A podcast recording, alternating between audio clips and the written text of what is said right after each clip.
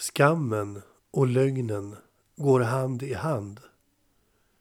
När lögnen avslöjas kommer skammen och däremellan bestraffning.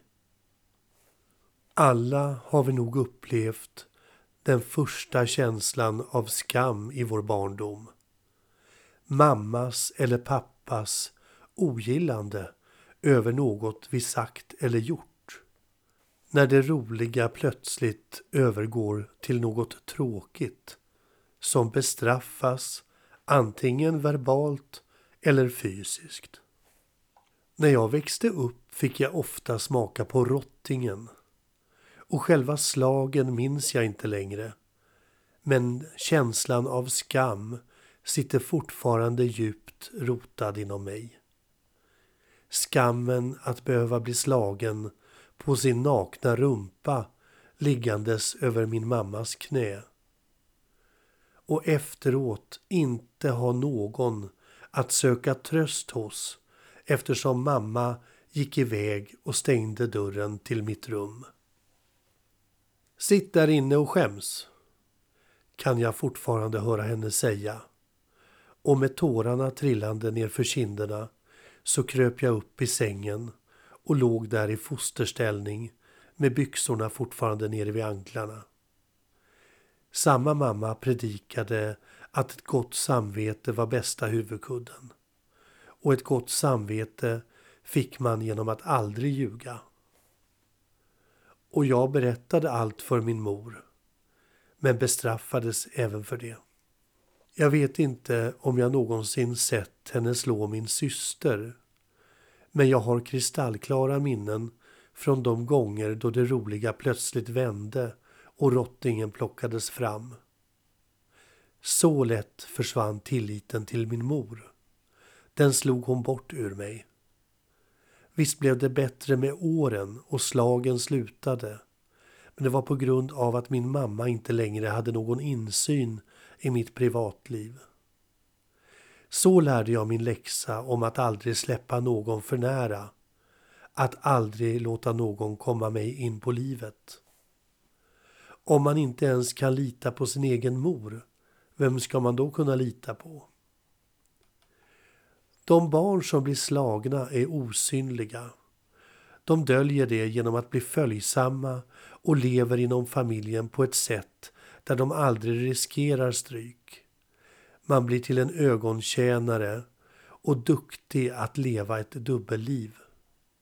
Min pappa hade fått mycket stryk som barn och var den snälle föräldern. Men en gång när min mamma märkte att jag inte längre brydde mig om hennes bestraffning och att jag hade slutat att gråta så sa hon Vänta du bara tills pappa kommer hem. Då ska han ge dig ett riktigt kokt stryk. Och jag väntade på mitt rum tills pappa kom hem. Och jag hörde min mamma förklara att jag hade varit så omöjlig så att nu var han tvingad att ge mig stryk. Dörren in till mitt rum öppnades och pappa klev in. Han var inte arg i sitt kroppsspråk men han skrek att jag hade varit stygg och att han nu minsann skulle ge mig stryk. Men det var någonting som inte stämde. Han tog rottingen och dammade till den i den bäddade sängen. Jag satt bredvid och såg hur han måttade för nästa slag. Han tecknade till mig att jag skulle säga något och jag förstod direkt att pappa och jag skulle lura mamma.